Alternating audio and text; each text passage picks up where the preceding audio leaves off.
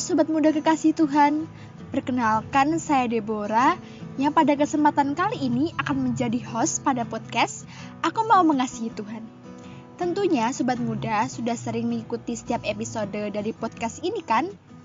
Podcast yang dibuat oleh Wonogiri Student Revival atau WSR mengajak Sobat Muda untuk belajar mengasihi Tuhan Podcast ini akan rilis setiap hari Jumat jam 3 sore jadi, setialah mengikuti setiap episodenya ya. Jangan sampai ada yang terlewatkan. Supaya sobat muda bisa belajar dengan lengkap dan bisa mengalaminya dalam hidup sobat muda semua. Oke sobat muda semua, sekarang kita akan ngobrol-ngobrol lewat segmen BTW, Bincang-bincang Teman Weekend. Pada BTW kali ini, saya tidak sendirian loh. Saya akan berbincang-bincang dengan tamu spesial untuk belajar bersama. Siapakah tamu spesial kita kali ini? Jangan ke mana-mana, stay tune terus ya.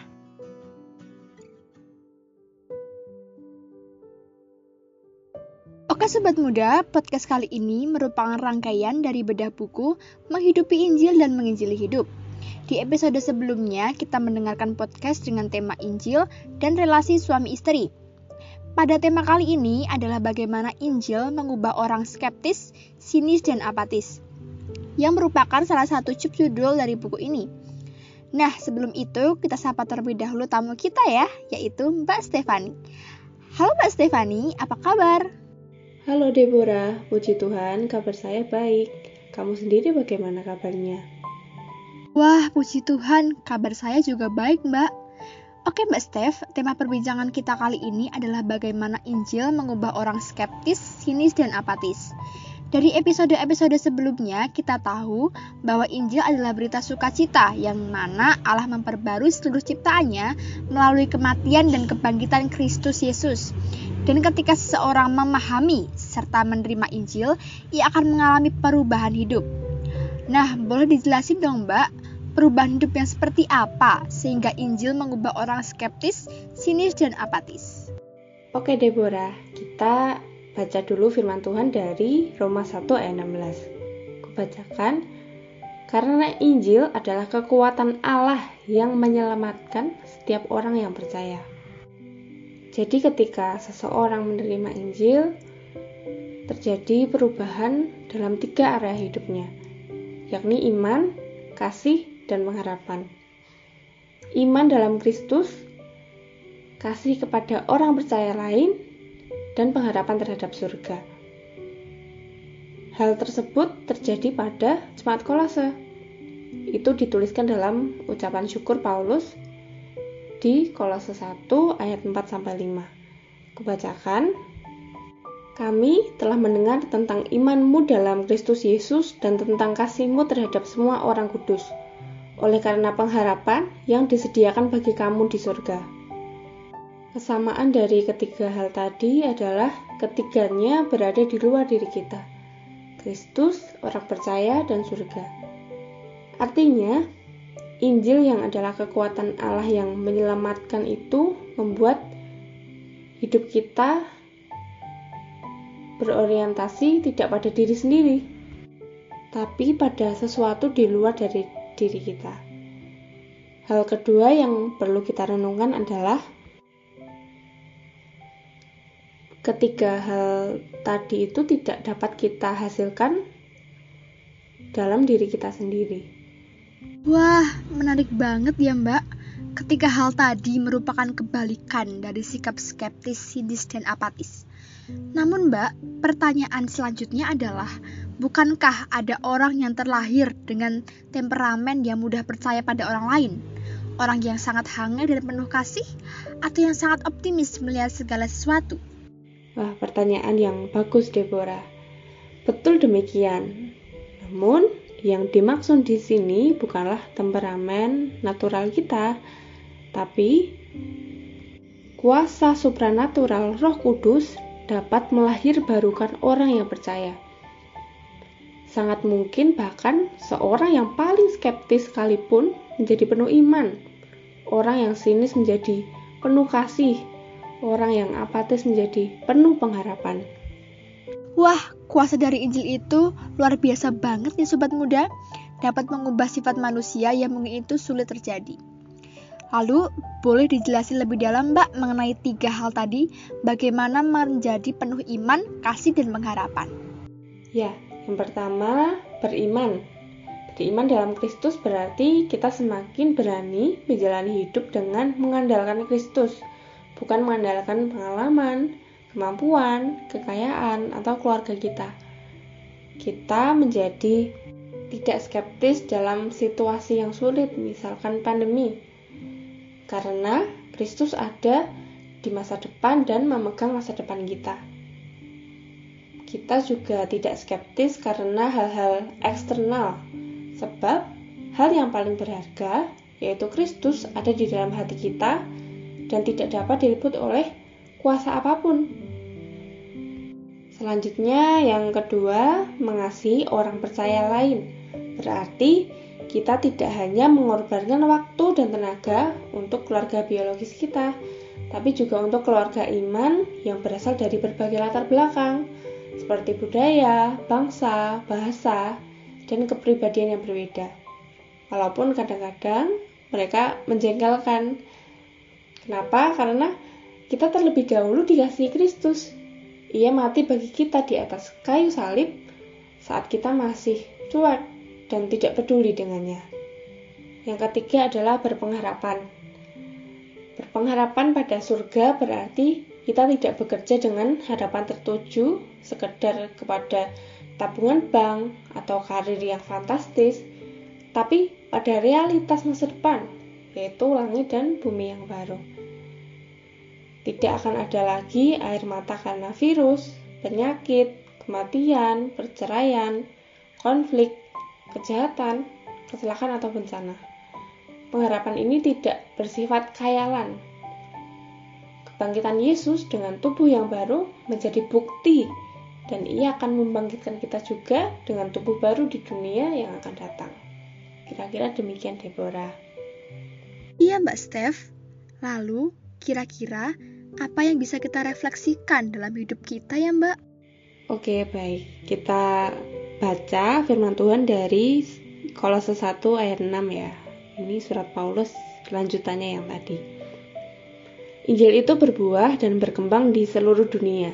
Demikian juga di antara kamu sejak waktu kamu mendengarnya dan mengenal kasih karunia Allah dengan sebenarnya. Jadi ketika sobat muda telah mengalami Injil dan semakin bertumbuh dalam Injil, maka semakin juga kita diubahkan sama seperti firman Tuhan tadi ya, Injil itu berbuah dan berkembang.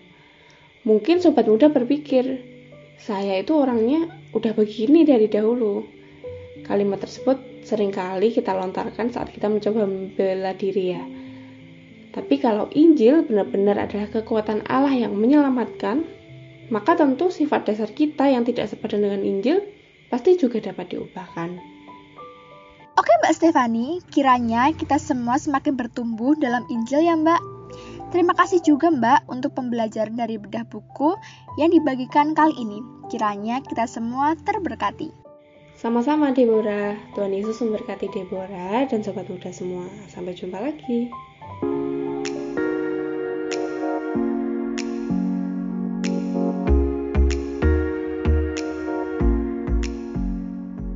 Sobat muda kekasih Tuhan, senang sekali hari ini kita bisa memperoleh penjelasan tentang tema-tema menarik dan sangat relate untuk sobat muda semua selama satu bulan ke depan.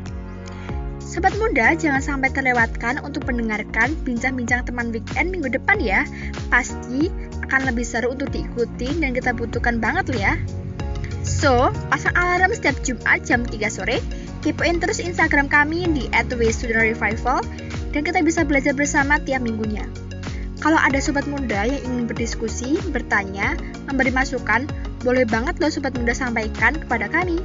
Bisa lewat Instagram at Revival ataupun kontak ke WhatsApp pembimbing dan pengurus VSR. Oke, sekian podcast kali ini. Jangan lewatkan kelanjutan di episode minggu depan ya. Tuhan Yesus memberkati.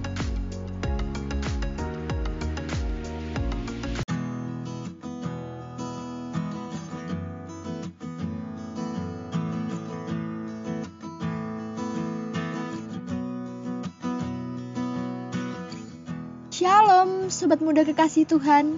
Perkenalkan, saya Deborah yang pada kesempatan kali ini akan menjadi host pada podcast Aku Mau Mengasihi Tuhan. Tentunya Sobat Muda sudah sering mengikuti setiap episode dari podcast ini kan? Podcast yang dibuat oleh Wonogiri Student Revival atau WSR mengajak Sobat Muda untuk belajar mengasihi Tuhan. Podcast ini akan rilis setiap hari Jumat jam 3 sore. Jadi, setialah mengikuti setiap episodenya ya. Jangan sampai ada yang terlewatkan. Supaya sobat muda bisa belajar dengan lengkap dan bisa mengalaminya dalam hidup sobat muda semua. Oke sobat muda semua, sekarang kita akan ngobrol-ngobrol lewat segmen BTW, Bincang-bincang teman weekend.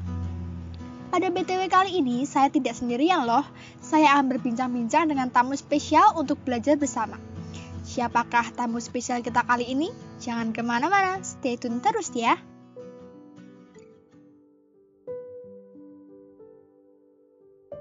Oke sobat muda, podcast kali ini merupakan rangkaian dari bedah buku Menghidupi Injil dan Menginjili Hidup.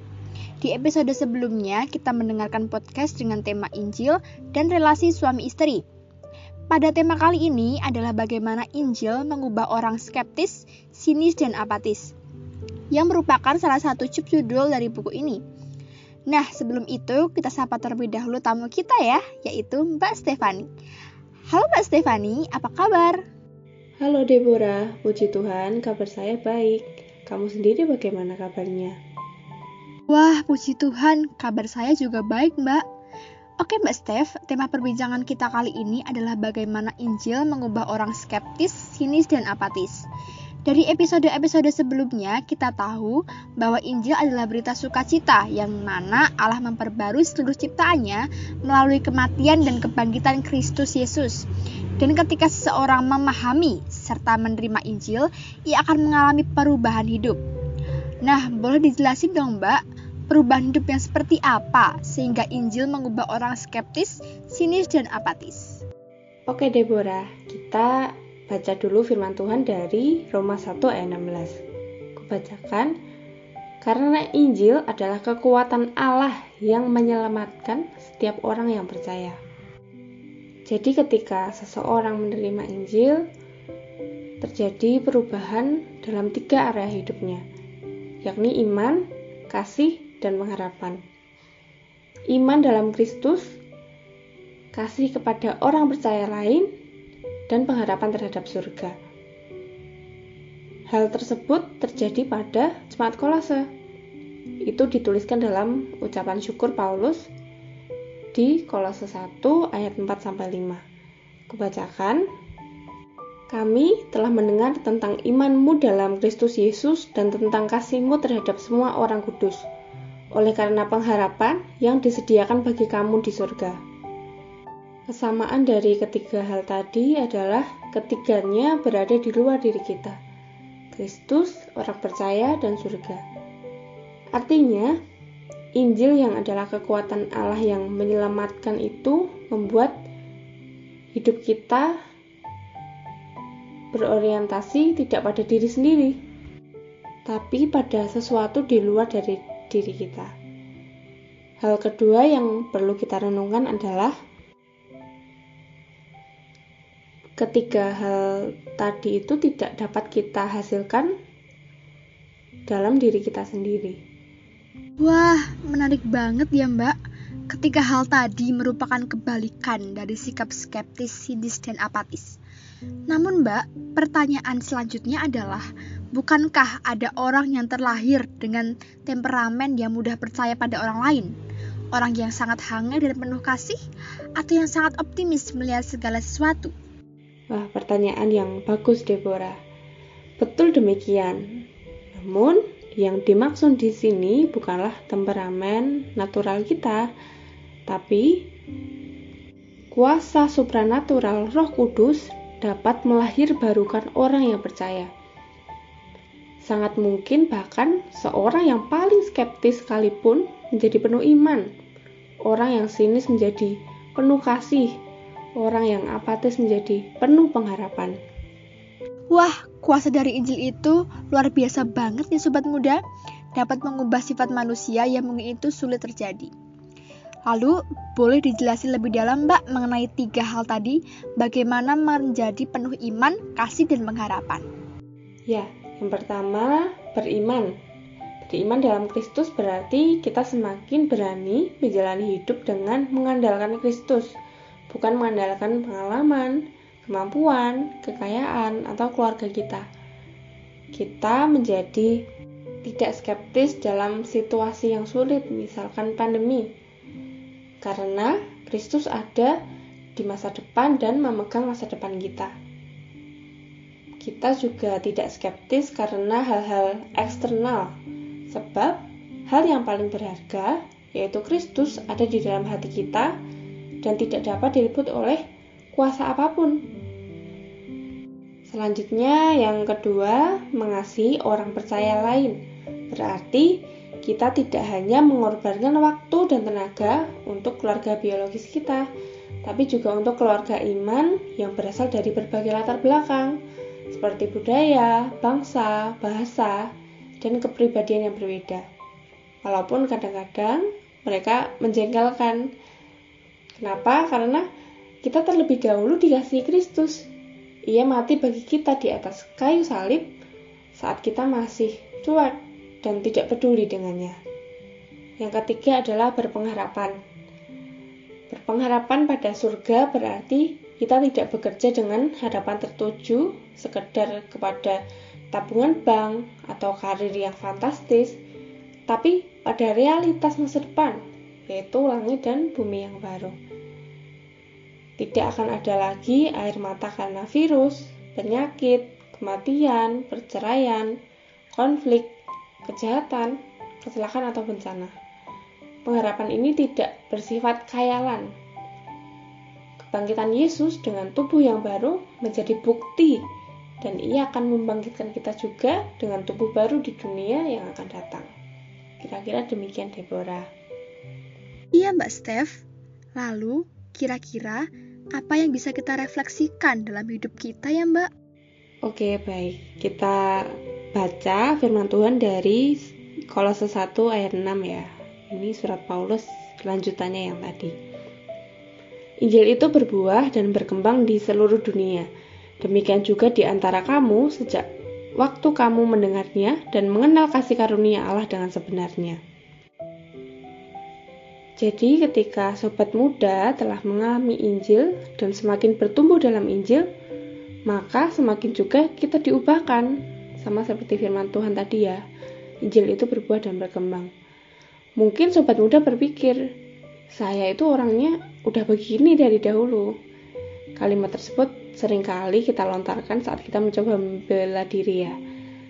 Tapi kalau Injil benar-benar adalah kekuatan Allah yang menyelamatkan, maka tentu sifat dasar kita yang tidak sepadan dengan Injil pasti juga dapat diubahkan. Oke Mbak Stefani, kiranya kita semua semakin bertumbuh dalam Injil ya Mbak. Terima kasih juga Mbak untuk pembelajaran dari bedah buku yang dibagikan kali ini. Kiranya kita semua terberkati. Sama-sama Deborah. Tuhan Yesus memberkati Deborah dan sobat muda semua. Sampai jumpa lagi.